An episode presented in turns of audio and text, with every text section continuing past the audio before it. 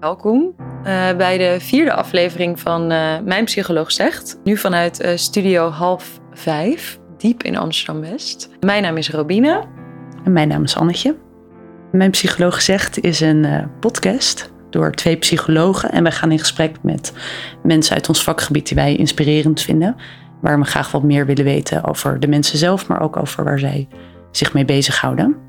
Wat we daarmee ambiëren te doen is om een openbaar werkboek te maken. Enerzijds voor onszelf en voor medepsychologen of eventueel andere geïnteresseerden. En vandaag gaan we in gesprek over uh, digitale initiatieven en ondernemerschap in onze sector. En daar spreken we over met uh, Tim Wind en uh, Bram van de Boom. naast hun werk als therapeut hebben zij samen het videoplatform Psyflix opgericht. waar je als therapeut eigenlijk kennis en vaardigheden over psychotherapie kan opdoen, uh, waar en wanneer je maar wilt. En uh, Tim uh, werkt als klinisch psycholoog bij Centrum 45, Traumacentrum. Ja. En daarnaast als zelfstandige in een vrijgevestigde praktijk. Ja. Bram is psychiater.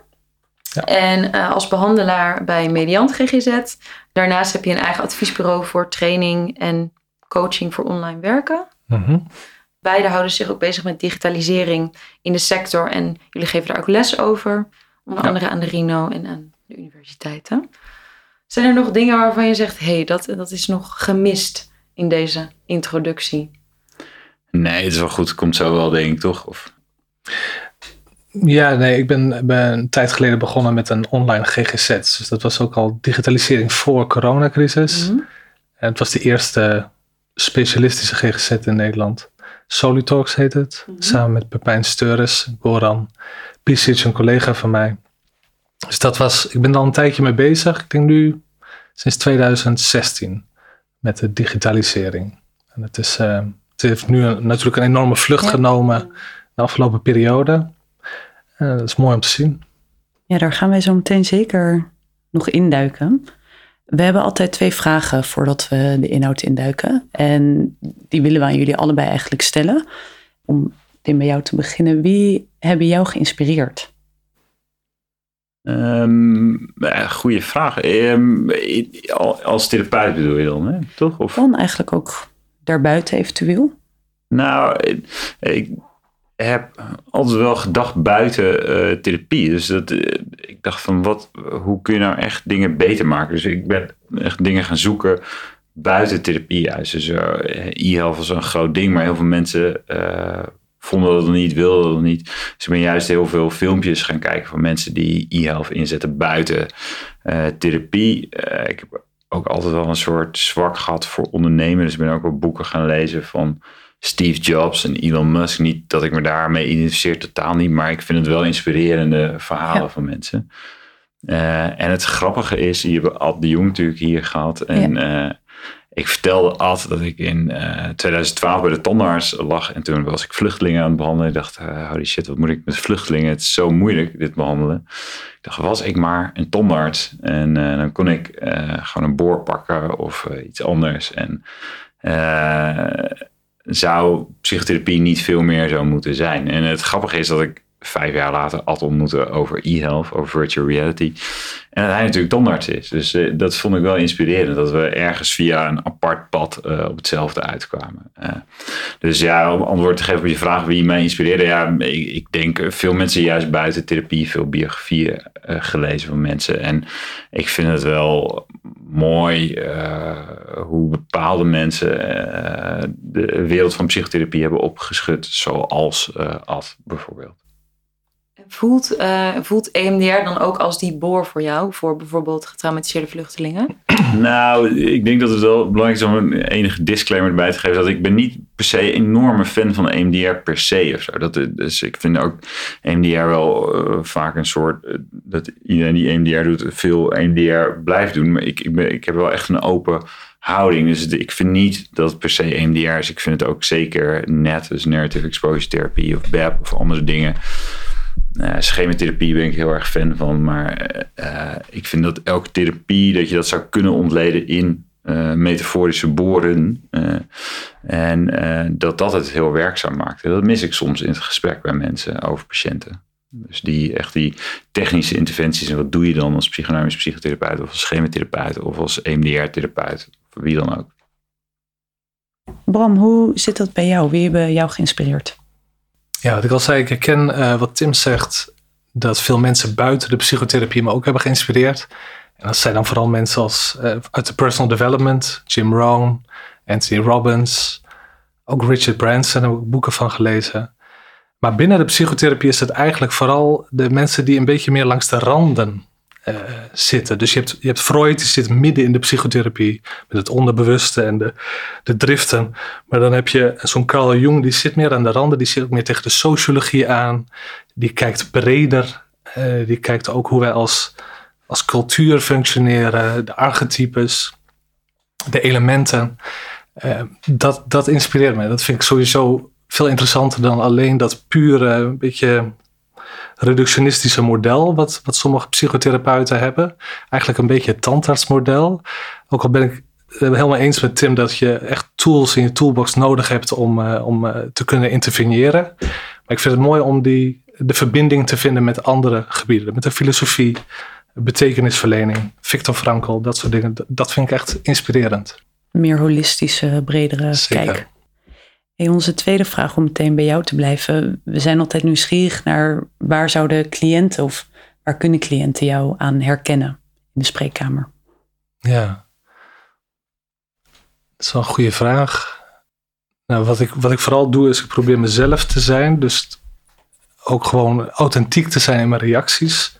Niet gespeeld um, en oprecht betrokken een van de dingen die ik altijd doe als ik een patiënt in mijn spreekkamer heb, is zoeken naar iets waardoor ik ze kan waarderen. Iets in de patiënt waardoor ik denk van, wat een leuke man, wat een leuke vrouw.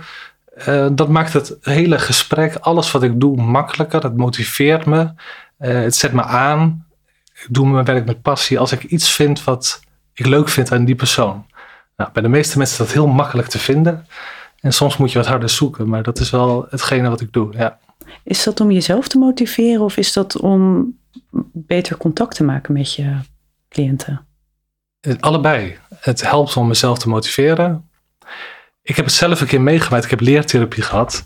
Dat er een, uh, een therapeut mij niet zo mocht. Dat, dat blijf je je leven lang bij als dat gebeurt. Waar merkte je dat aan? Ja, uh, ja de, uh, subtiele, subtiele oogopslag, subtiele opmerkingen. En waar ik het eigenlijk aan merkte was op een gegeven moment had ik mijn partner een keer meegenomen. En toen dacht ik, zo, wat kan die aardig zijn eigenlijk in een gesprek. Best een aardig man. Het was een hele aardige ja. een hele charmante man ook. Dus um, toen dacht ik, ja, het is heel belangrijk. En is ook, daar is ook onderzoek naar gedaan. Dat mensen die knap zijn of intelligent of leuk, leuke persoonlijkheid hebben, meer profijt hebben van therapie. En ik denk dat het hier ergens mee te maken heeft dat als een patiënt uh, zich gezien voelt, zich gewaardeerd voelt, uh, dat die hele therapie beter werkt. Als je irriteert aan je patiënt, dat is, dat is lastig om dan goede therapie te geven. Hey, hoe zit dat bij jou, Tim? Waar kunnen jouw cliënten je aan herkennen?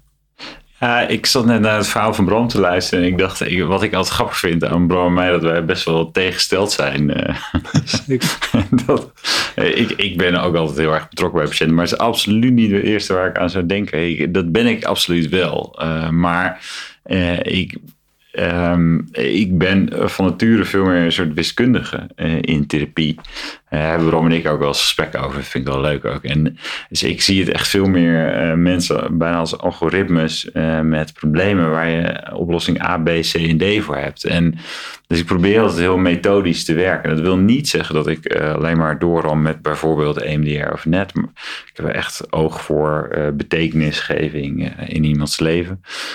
Maar ik denk als je dat aan patiënten zou vragen, zouden ze denken van, oh ja, werkt heel methodisch, is betrokken. En ik heb ook een lange adem, omdat ik met heel veel complexe patiënten werk. Dus, het, dus soms duurt het traject ook twee jaar uh, of drie jaar soms. Ja dan klinkt de digitalisering opeens ook heel logisch dat je daarin ja. in bent gedoken. Ja, nee, dus de, de, absoluut. Dus voor mij was het ook niet iets anders. Het was gewoon een andere modaliteit. Hè? Als we het puur hebben over beelden. En dan dacht ik van ja, we doen, als je die principes van therapie extrapoleert naar beeldbellen, ja, dan kun je gewoon hetzelfde doen. En als je dat extra, extrapoleert naar apps of uh, online modules uh, of online leren zoals Psyflex, dan, uh, dan is dat best logisch zitten dus ook wel samen te filosoferen over jullie eigen dynamiek en hoe jullie anders zijn. Zeker. Zeker. Hoe, eh, hoe, zeker. hoe kennen jullie elkaar? Eh, we zijn geïntroduceerd aan elkaar door, door Bart Vemer, dat is een GZ-psycholoog in Amsterdam. En hij heeft een online praktijk al lang, volgens mij sinds 2012 of iets dergelijks. Hij was een van de eerste die ermee begon. En hij merkte dat de grote GGZ-instellingen steeds meer ook begonnen te digitaliseren. En ik had een kleine GGZ-praktijk, eh, GGZ opgericht. Tim had een kleine eigen praktijk. En wij waren allemaal met e-health bezig. En hij zei, eigenlijk moeten we samen optrekken en, en eh, e-health wat steviger neerzetten. En dat elkaar daarin versterken. En zo zijn we een keer in gesprek geraakt. Ja. In februari 2000, of in maart Nee, in 2020. februari 2000. Nee, het grappige is dus, we zouden een etentje hebben met z'n drieën. Klopt. Eh, en toen brak de hel los met corona. En dus dat etentje ging niet door. En dus toen hebben we online eh, zijn we gaan zoomen. En toen dacht ik, god, dit is zo eh, wereldveranderend, corona. Ik dacht, Ja. hier moeten we echt iets mee. Mensen moeten online gaan. En dacht ik, die donderdag ervoor, dacht jij ook. Eh, en toen zijn we, eh, zei jij een webinar gegeven, Bram. Ja. En over online hulp. En toen hebben we bij elkaar gezet, eh, laten we dat samen gaan doen. Yes. En dus het was heel logisch om dat toen met z'n drieën, nu met z'n tweeën te doen. Hebben we Helene Rieper, professor e-health, erbij gevraagd. En zijn we dat gaan doen. En wij hebben elkaar dus voordat we elkaar ontmoeten nooit face-to-face gezien. Zelfs hebben we elkaar denk ik drie maanden later pas face-to-face gezien. Terwijl we echt elke dag om acht uur de- s ochtends vergaderden met elkaar per Zoom. Het was een aparte periode, maar Zeker. pas later eh, zag ik Brom in het echt. Ik, Bij de Kamer van Koophandel hebben we elkaar volgens mij voor het eerst ontmoet. ja, toen nog e-health specialist heette dat toen nog, om dat eh, in te schrijven. Klopt. ja, dat is En wel hoe- apart. Hoe was het om elkaar in het echt te ontmoeten? Het bijzondere altijd, het, het enige wat je niet ziet in het videobellen, is de lengte. Dus dat is Ja. altijd een verrassing. Je denkt, Bij Bart dacht ik, jezus, wat is die lang? En bij Tim dacht ik, oh, hij is ietsje... Ik dacht dat je, dat je langer zou zijn. En dat weet je namelijk niet. Je- Dat is toch de persoonlijkheid die ook een soort lengte met zich meedraagt. En dat is wel eens anders in, in real life. Ja, dus Ja. de lengte was wat me opviel. Ja, verder was er niet zoveel anders. Ik vond het gewoon grappig om elkaar te zien. We hebben gelijk champagne gedronken. toen Klopt. dat Heel we goed, heel in de goed. Kamer van Koophandel stonden. Nee, dat was wel leuk. Maar het was natuurlijk heel apart om elkaar heel lang niet te zien. Hmm. En wel echt elke dag wel drie, vier keer te bellen eh, tussen patiënten door. En dan elkaar een keer te gaan zien. Ja. Ja. ja. En hoe zijn jullie in de digitalisering gerold? Of je zou kunnen zeggen dat jullie allebei expert zijn erop. Hoe is dat zo gekomen? Eh, nee, voor mij was het echt eh, een beetje toevallig, maar ook misschien niet helemaal. Ik, eh, ik ben eh opleiding tot klinisch psycholoog gaan doen in 2014. En toen vroeg de directeur mij om eh, e- e-health groot te maken in Center 45. En zei, vind je dat leuk? Ik zei, oh, dat vind ik hartstikke leuk. En eigenlijk als ik zelf terugdenk, ik vertelde het eh, verhaal laatst aan mijn moeder, vond ik. Ik zei, mam, ik zei, ik wou vroeger uitvinder worden. En, eh, dat wou ik echt. Ik eh, las Suske en Wiske, zag professor Barbas, dacht, ah, dat is wel cool. Als dat nou kan. En, en ik denk eigenlijk dat ik dat altijd wel leuk heb gevonden, om gewoon nieuwe dingen te doen en een beetje out of the box te denken. En dus het was ook heel logisch toen die directeur me vroeg om e-health te gaan doen, om, ja, om, om daar ja tegen te zeggen. En dus zo ging het. Ja, bij mij ging het wat anders. Ik, ik was altijd wel ondernemend. Ik heb ook verschillende ondernemingen opgezet, ook ten tijde van de studie en, en, en de psychiatrieopleiding. Eh, oh, Superleuk om nieuwe dingen te doen, maar ik had eigenlijk een aversie tegen e-health, tegen digitalisering. Ik had er eigenlijk helemaal niks mee. Ik heb een keer een cursusje gedaan. Dwars Ik door dacht, de weerstand heen. ja, ik had een cursusje gedaan. Ik dacht, nou ja, ik vind het toch een soort verschraling van de zorg, vond ik het. Maar toen ben ik geëmigreerd naar Australië. En ik was groepstherapeut, nog steeds. En ik dacht, eigenlijk wil ik die groepen blijven draaien. Ik vond het zo leuk om te doen. Eh, Een van de mooiste vormen van therapie, groepstherapie. En toen ging ik naar Australië en ik dacht, weet je wat, ik kan misschien wel vanuit Australië in Nederland een groep draaien. Als dat via Skype kan, misschien met al die schermpjes. Had er nog nooit van gehoord, bedacht het. En toen heb ik mijn hele familie online gekregen. Ik kom gezin met heel veel broers en zussen, zeven broers en zussen. En die hebben met z'n negen hebben uiteindelijk een familiedag gepland. Heeft een uur geduurd. Maar ik dacht, dit, dit kan. Dit werkt. We kunnen elkaar verstaan. We kunnen elkaar zien. Je ziet elkaars gezichtsuitdrukkingen. En toen was ik eigenlijk om. En toen was ik helemaal in Australië. En toen begon ik met Helene Rieper, heb ik toen contact mee gehad. Een onderzoek naar online groepstherapie. En toen ik merkte hoe goed het werkte. Ik ben toen ook als psychiater in Nederland gaan werken vanuit Australië. En dan kom je bij de mensen thuis. Want ze zitten thuis, ze hebben een kat op schoot, ze hebben een sigaretje. Ze voelen zich helemaal senang. Thuis zijn ze op een gemak. En je zag hoe goed dat werkte eigenlijk. Het was, het was heel mooi om te zien dat digitalisering niet per se een verschraling is van de zorg. Maar dat het juist een, een verrijking kan zijn. En dat, uh, dat maakt ons enthousiast, denk ik. Dat we dat allebei hebben gezien, dat het een, een toevoeging is. Zeker. Ja. ja.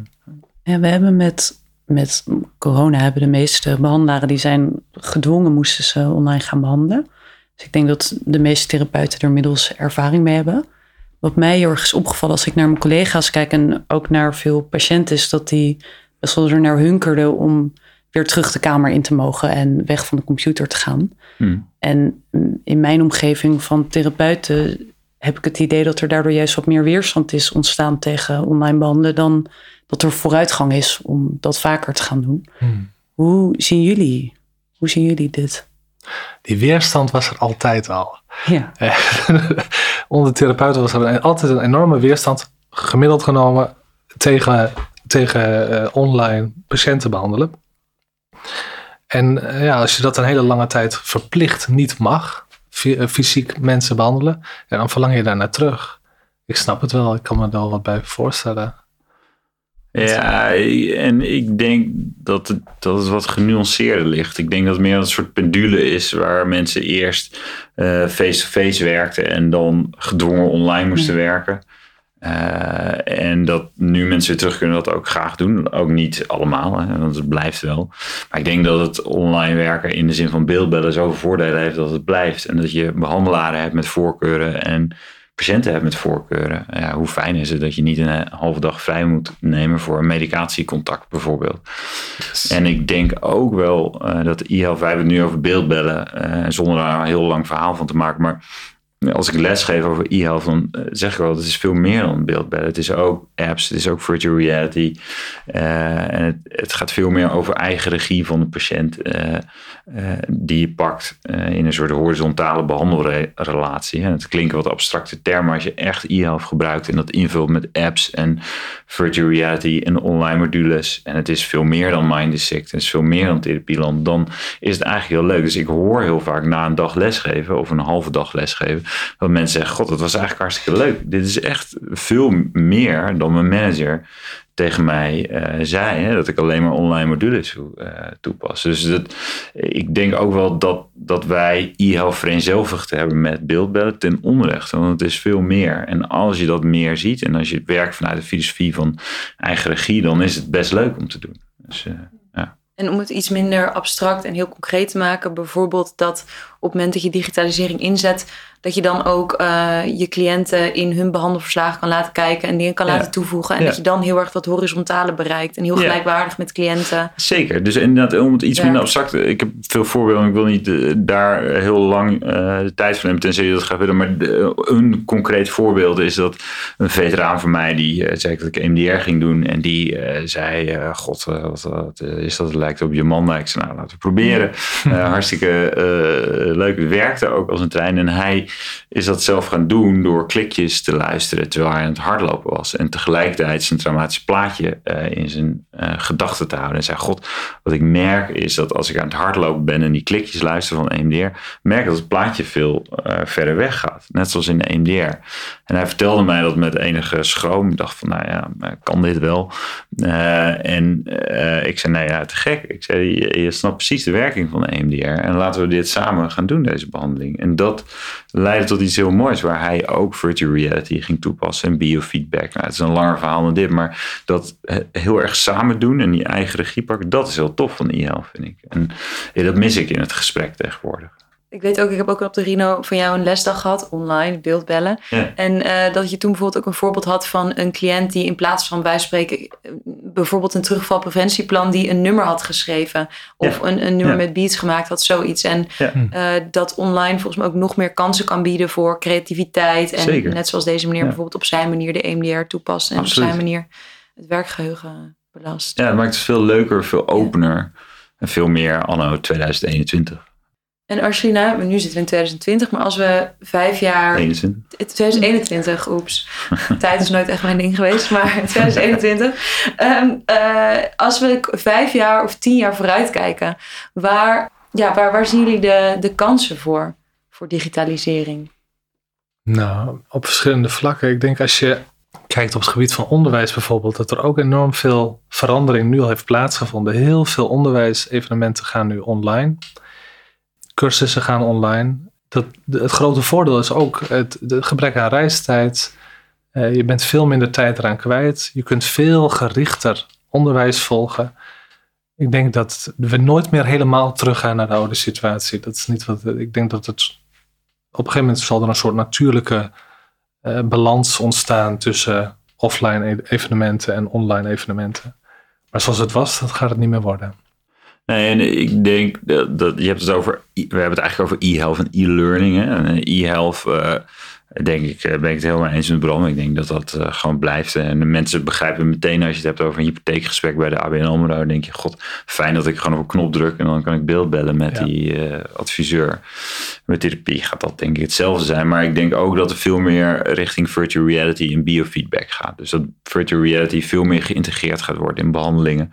Omdat het super fijn is. Je hebt een bril voor een tientje. En als die applicaties wat makkelijker toegankelijk zijn, zal het veel meer gemeen goed worden.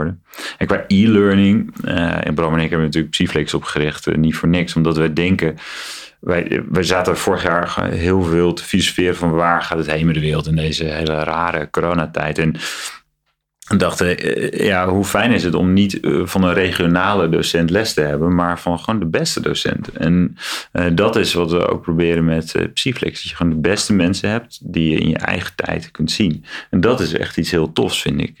En Psyflex vervangt daarmee niet cursussen, maar ik denk dat het hele online lesgedeelte en een online platform zoals Psyflex, dat dat absoluut blijvend is en dat het veel laagdrempeliger maakt om les te krijgen. Ja. Waar ik wel benieuwd naar ben, want jij noemt een aantal termen. Je noemt virtual reality, je noemt ook de biofeedback. Ja. Hoe staan jullie in artificiële intelligentie, waar bijvoorbeeld nu ook een beetje naar gekeken wordt dat op een gegeven moment een computer een psycholoog zou vervangen? Nou, ik merk dat dat altijd een gevoelig uh, thema is. Hè? En ik vind het altijd wel leuk om een beetje te prikkelen aan het einde van de lesdag. Om mensen een soort dystopisch beeld achter te laten. maar ik, ik denk dat uh, artificial intelligence, de, uh, wat algemeen bekend is dat over 20 jaar artificial intelligence meer kan dan mensen. Dus ja, en dan ligt het best in het verschiet dat een heel groot deel van onze therapieën, zeker protocolair werken zoals CGT, maar ook EMDR doen we ook al via virtual reality, vervangen kan worden door artificial intelligence. Je hebt het tegenwoordig al, hè? je hebt de apps, de Woobot, een soort empathiebot. Kun je tegen vertellen hoe je voelt en die reageert best empathisch. Nou ja, ik kan me voorstellen dat over twintig jaar een deel van onze werk vervangen wordt door artificial intelligence die veel slimmer is dan dat we het nu kennen. Uh, en dat wij als psycholoog veel meer, uh, psycholoog, psychiater, veel meer de specialist zijn die het nog moeilijkere werk doen. Ja, als dat nog nodig is. Hè. Misschien is artificial intelligence slim genoeg. Wat gaan we dan doen, Tim? Ik weet niet wat we dan Eindelijk vakantie nemen. Vakantie nemen. maar wat ik bij mij ook opgeroepen is dat ik denk van ja, uh, en de waarde dan van het interpersoonlijk contact en het interpersoonlijk leren, wat je ook in een therapie ja, ja, kan doen. Nee, dat is terecht. Dat, dat krijg ik altijd uh, als tegenweging. En, en, en, terecht. Nee, maar en het is terecht. Ik denk dus dat, dat we moeten accepteren dat dit eraan komt en dat je daar een gesprek over moet hebben. Van nee, willen we dit? Hè? Dit komt eraan, willen we dit? En is dit een wereld waar we in willen leven dat wij alleen maar online les hebben? Brom en ik vinden ook niet dat je uh, online les, dat dat alles vervangt. Ik denk echt dat, je, dat het heel fijn is om in een lokaal bij elkaar te komen en daar les te hebben. Maar het is wel een mooie aanvulling. En hetzelfde geldt voor artificial intelligence. Is het fijn om van een robot die hartstikke goede therapeut is, om daar therapie van te krijgen? Of wil je toch naar iemand die therapeut is? En dat gesprek moet je hebben. En dat gesprek is er nu niet. Is, het is ook niet zo urgent, denk ik nog, maar dat moeten we op een duur wel hebben. Ja. Ik denk dat het heel belangrijk is dat we dat gesprek hebben. Want je hebt allerlei films, beginnende met de Matrix, maar er zijn nog heel veel films daarna geweest ja. over artificial intelligence. En ze zijn allemaal dystopisch. Ze zijn allemaal onprettig aan het eind. Dus ik denk dat dat gesprek De mogelijkheden zijn er. Precies wat Tim zegt, over twintig jaar hebben we het. Alleen wat gaan we ermee doen en wat willen we daarmee? Dat is een belangrijke vraag. En daarbij aansluitend, wat, wat, zijn de grootste, wat zien jullie als de grootste uitdagingen? Ja, wat ik zie is eh, eh, dat tegenwoordig eh, veel beroepen. Nou, het is eigenlijk nog niet eens echt tegenwoordig. Maar een beetje wel. Als je naar de kassa gaat in Albert Heijn, dan eh, Ja. kun je natuurlijk de zelfscan doen.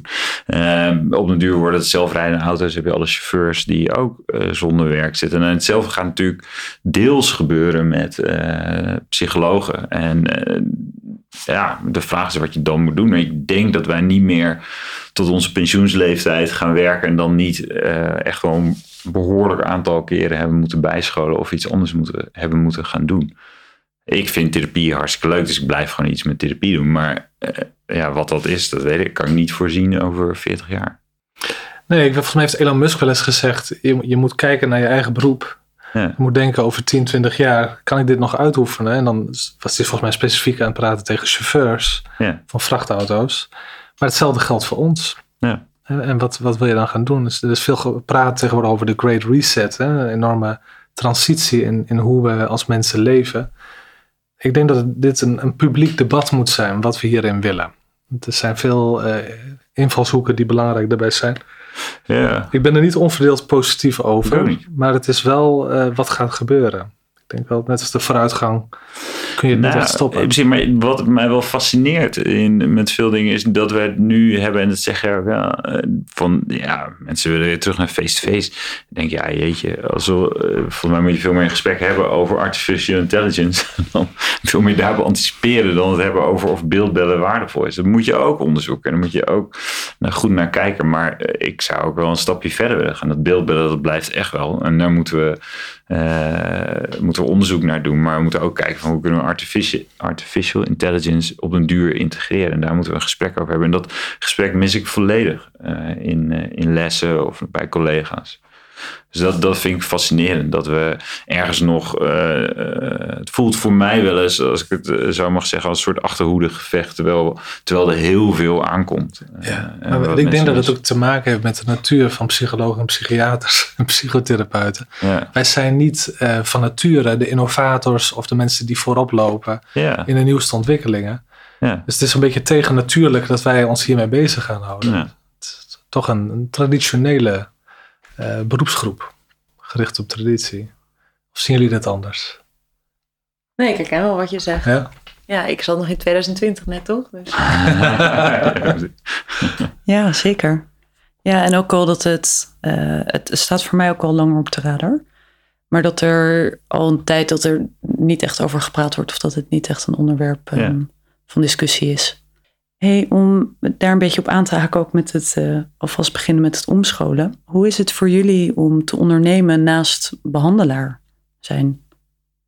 Ja, ik, ik vind dat echt heel erg leuk. Eh, maar ik doe het wel echt uit een drive van, eh, om als docent en als therapeut. Dus, en ik, wij, wij bespraken vorig jaar dit idee. En toen wist ik onmiddellijk van, ah, dit is echt een goed idee. Dit moeten we doen. En eh, zo is het eigenlijk gekomen. Is niet zozeer meer vanuit ik wil ondernemen. Heb ik altijd wel een beetje hang naar gehad. Maar het, was, het is ons ook ik, ik had op een duur het idee, vorig jaar we bespraken met Bram, Bram is een supergoed idee en zijn we samen gaan doen. En, en eh, eh, zo is het gegaan en zo zijn we samen gaan ondernemen. En het is ook een wijze rollercoaster waarin we veel dingen leren, vind ik. Want dus, Mhm. ja, ik, ik heb echt minder ervaring in ondernemen, jij nog meer Bram, maar, ehm, maar dat gaat eigenlijk wel, wel goed samen. Ik vind, vind het heel leuk. Ja. Het is een mooie aanvulling op het vak wat we al uitoefenen. Eh, het, is, het heeft iets avontuurlijks. Je weet niet waar het eindigt. Je bent eh, iets nieuws aan het creëren. Ik vind wat voor mij vooral het leukste is, net zoals vroeger als je met Lego speelt, dan is het bouwen is leuk. Je creëert iets en dan is het af. En dan speelde ik er ook niet meer mee. Dat vond ik het weer minder interessant. Dus het creëren van iets wat echt waardevol is, wat ook echt eh, toegevoegde waarde heeft, dat is hetgene waar ik, me, waar ik enthousiast van word. En dat is wat we eigenlijk nu doen. We creëren echt iets waar mensen, psychologen wat aan hebben. kan ik bevestigen ook. Ik heb toen bij jullie onder andere die cursus van Jan Derksen over psychodynamisch werken gevolgd. Superleuk.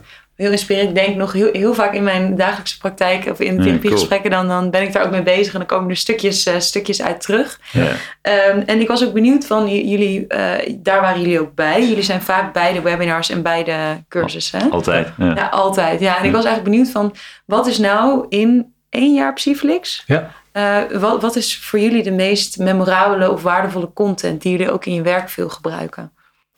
Nou, eh, wil jij antwoord geven? Nee, begin wel. De traumatips. ja, zeker. Nee, echt heel veel. Het voelt, het voelt sowieso voelt Psyflix voor mij als een eh, opleiding tot klinisch psycholoog 2.0. Omdat ik elke week één of twee webinars heb waarvan ik denk, oh, dat was echt heel tof. Ik kan het meteen toepassen en ik probeer het ook vaak. En dus dat vind ik ook wel echt leuk. Eh, ik krijg ook wel eens eh, terug van patiënten, god, jij geeft net een andere therapie. En ze zeggen, nee, ik heb net een webinar gehad. Maar, maar echt het allercoolste, echt zonder enige twijfel, was de traumatapes. En die komen binnenkort eh, op Psyflix. Maar ja, dat was zo tof. gewoon. Dat was, eh, er, zaten, eh, er waren twee patiënten, een vrouw met seksueel misbruik en een veteraan. Echte patiënt. Echte patiënten, deelnemers voor ons, maar wel echte patiënten met PTSS. eh, en eh, die hadden tien sessies van eh, NET, EMDR, BEP en imaginaire exposure van Ad de Jong, Agnes Verminnen, Bertolt Gersels en Ruud Jongendijk. En dat was heel cool om daarbij te zijn. En die hebben we ook nagekeken, daar heb ik echt zo van geleerd. hoe, hoe traumatherapie beter te doen. Uh, had die data ongelooflijk goed. EMDR, Bertolt had echt fantastisch uh, aandacht voor verdriet en voor zingeving. En uh, zo hadden Ruud en Agnes ook hun sterke punten. Ik vond dat heel tof. Ik vond het zo tof. Wij hebben elkaar ook gebeld die week daarna. Ja. En zei, god, dit was zo tof. Dit was echt soort, voor mij echt een soort magische ervaring. Het klinkt ja. misschien overdreven, maar ik vond het wel echt zo. Dat, uh, dat ik dacht, god, dit zou zo een therapie kunnen zijn, deze combi.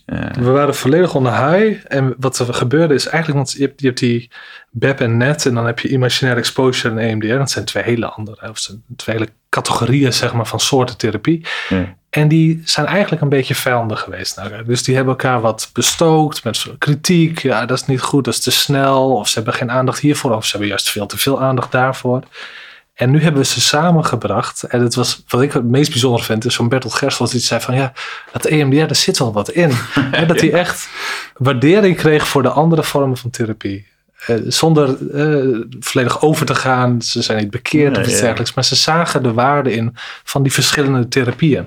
Ja, en dat wat, was echt goud. Dat was goud. En wat ook leuk was, ik zat uh, voor de tv, zat ik de cursussen mee te schrijven van die sessies. Want dan konden zij op elkaar voortborduren. Anders moest ik ze allemaal inlichten. En dat, dat is niet hetzelfde als een decursus. Dus zat een soort verbatim in te schrijven. Maar het was in Google Docs geanonimiseerd. En je kon dus zien dat zij meekeken met elkaar. En dat vond ik heel grappig. Dus dan zag je Alte en Agnes zag je meekijken met Bertolt. En die appte dan ook, god, het is echt zo'n jongensboek wat ik aan het lezen ben. En dat was het voor mij ook, achter die tv. Vond ik echt heel cool. En die patiënten waren trouwens, of deelnemers voor ons, die waren ook echt heel positief. Dat vond ik echt, echt heel tof om zo'n soort levensveranderende ervaring echt aan bij te geven. Dat was echt heel cool. Ja. Het is gewoon echt een vrouw die al nou, 20 jaar met PTSS rondloopt. Nachtmerries heeft elke nacht, niet kan slapen. Super gespannen is, geagiteerd. En die zegt nu, ja, mijn collega's zeggen wel bij ontspannen. Ze slaapt elke nacht door, ze heeft geen nachtmerries meer. Gewoon echt, die PTSS is gewoon echt genezen. En dat in één week tijd. Ja, dat was zo cool. Ja. Ja, ja. Nou goed, daar zijn we high over. Dat was echt ja, ik voel, heel ik word ook wel een beetje high als jullie het vertellen. Ja, ja, dat, ja dat, dat, was ook echt heel tof. Ja, zeker. Ik wilde het zoveel van Psyflix, maar dit is absoluut by far de highlight. Dat, uh, ja. ja. vet leuk om te horen. Ik dacht ook echt toen ik dat volgde, toen voelde ik ook helemaal een soort jaloezie. Dat ik dacht van, oh, maar dit is nu één onderdeel dat ik volg. Jullie hebben dit gewoon de hele tijd. Zoveel nieuwe informatie. Ja, ik kan me helemaal voorstellen dat het een soort tweede, tweede opleiding uh, voelt. Ja. Ja, nou, we zouden jullie nog eindeloos kunnen en willen uithoren over allerlei andere dingen. Ik kijk even naar Annetje. Zijn er nog dingen die we voor we zo gaan afronden nog... Ja, nee, hè, we gaan het... Anders dan uh, komt er geen einde aan. Dan zitten we straks wel echt in 2022. Um, we, voordat we gaan afsluiten willen we ook nog eindigen met de vraag... Um, wat jullie advies is aan uh, jonge startende psychologen. Uh, neem je tijd. Dat was het advies wat ik heb gekregen als jonge eh, startende psychiater. Want ik wilde toen uh, relatietherapie en schematherapie en groepstherapie. Ik wilde eigenlijk alles tegelijk doen. En toen zei zo'n oudere systeemtherapeut tegen mij van... joh, kijk nog even rustig, snuffel overal aan... en kijk uiteindelijk wat het meeste bij je past. Welke combinatie, want het is toch vaak twee of drie therapieën... die je uiteindelijk kiest, waar je in gaat bekwamen. Het meeste bij je past, ga niet te snel. En ik, dat, dat, eagerness, wat zie ik heel, bij heel veel collega's. Van, ik wil meer en ik wil meer kunnen en ik wil die mensen echt kunnen helpen. Dus dan is een enorme drive. En dat is denk ik ook fantastisch. Dat moet je, heb je ook nodig. Maar een beetje ontspanning erin, een beetje rust. Dat je ook even mag wachten, dat je niet alles tegelijk hoeft te doen. Dat, uh, dat zou mijn advies zijn. Ja. Dank. Ja. ja ik zit te grinniken van, van herkenbaarheid. Ja, ja. ja. zeker. En ik, uh, ik zou denken, blijf vooral zelf nadenken. En uh, dat uh, heb ik zelf wel terugkijkend. dat is ook de reden dat Bram en ik Psyflix hebben opgezet. Omdat je zo merkt dat er verschillende stromingen zijn, zoals CGT, EMDR, schematherapie. Ik weet nog dat ik in opleiding was tot klinisch psycholoog, had ik echt een knijtermoeilijke patiënt. En die heel, ik dacht, nou, ik ga gewoon als experiment ga ik die voorleggen aan vier supervisoren. En uh, kijken wat ze zeggen. En uh, die zeiden allemaal verschillende dingen.